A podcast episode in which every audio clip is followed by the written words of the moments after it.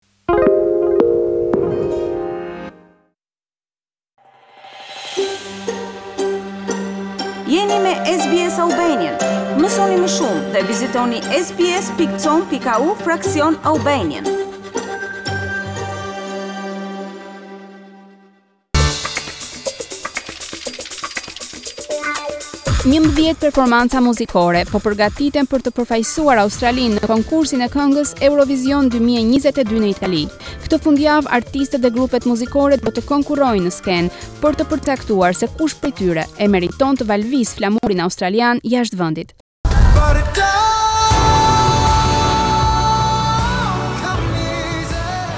Pjesëmarrja e Australisë në konkursin shumë të dashur të këngës Eurovision nisi zyrtarisht në vitin 2015 dhe është konfirmuar që vendi do të vazhdojë të performojë deri të paktën në 2023-shin. Në koncertin Australia Vendos që mbahet në Gold Coast, do të marrin pjesë artistë të rinj si dhe ata që kanë marrë pjesë edhe më parë në Eurovision dhe të gjithë janë në garë për t'u ngjitur në skenën e ndritshme të këtij festivali. Disa nga performuesit që i kanë vënë syrin performancës në Eurovision janë Charley, kantautori Jude York, Andrew Lambrou dhe surprizuesja Erica Padilla. Kurse bandat garuese australiane janë grupi i vajzave G-Nation dhe kuinteti metal nga Perthi, Voyager. Këngëtarja Jaguar Jonze ka provuar dhe më parë të konkurrojë në Eurovision dhe këtë vit shpreson se kënga e saj e fuqishme Little Fires do t'i sigurojë vendin si interpretuesja e përzgjedhur e Australisë.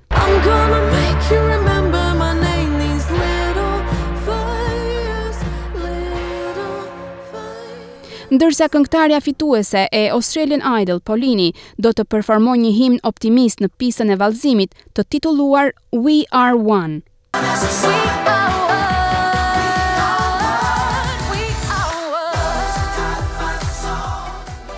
Një tjetër ish-konkurrent i mëparshëm në Eurovision është këngëtari i kombeve të para, Isaiah Firebrace.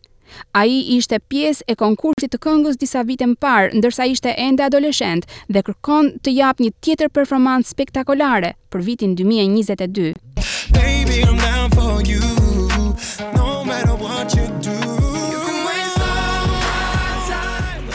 Ai u renditi nënti në Eurovisionin e mbajtur në Ukrainë në vitin 2017 dhe këtë herë vjen me një duet me këngëtaren Evie Irie. Dy interpretues të tjerë që kanë marrë pjesë në konkursin televiziv The Voice dhe që tani janë përfshirë në këtë betejë muzikore janë Seann Miley Moore dhe Sheldon Riley.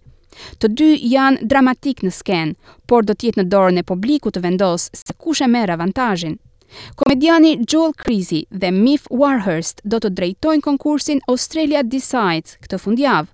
Joel thotë se artistët e këtij viti janë të etur për mundësinë që të konkurrojnë jashtë shtetit. We have a lot of respect amongst the other Eurovision countries and Myf and I noticed that talking. Ne gëzojmë shumë respekt mes vendeve të tjera të Eurovisionit dhe këtë e kam vënë re duke folur me komentatorët e tjerë. Kështu që artistët australianë duhet të sjellin pak eksentricitet, një zë dhe performancë të fuqishme, sepse kjo pritet nga Australia. Ai tha për SBS News se Australia është e njohur për performancat me cilësi të lartë në Eurovision.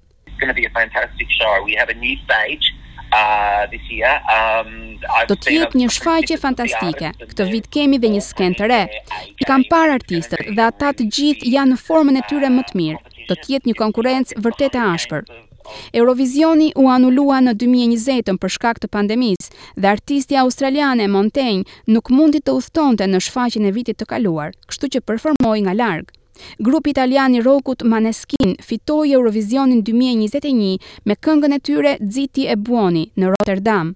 Këtë vit konkursi i këngës do të mbahet këtë maj në Itali me temën Tingulli i së bukurës. Votimi publik u hap të premten mbrëma dhe zgjati për rreth një ditë, ndërsa një juri ekspertësh të industrisë do të votojnë edhe ata interpretuesin e tyre të preferuar.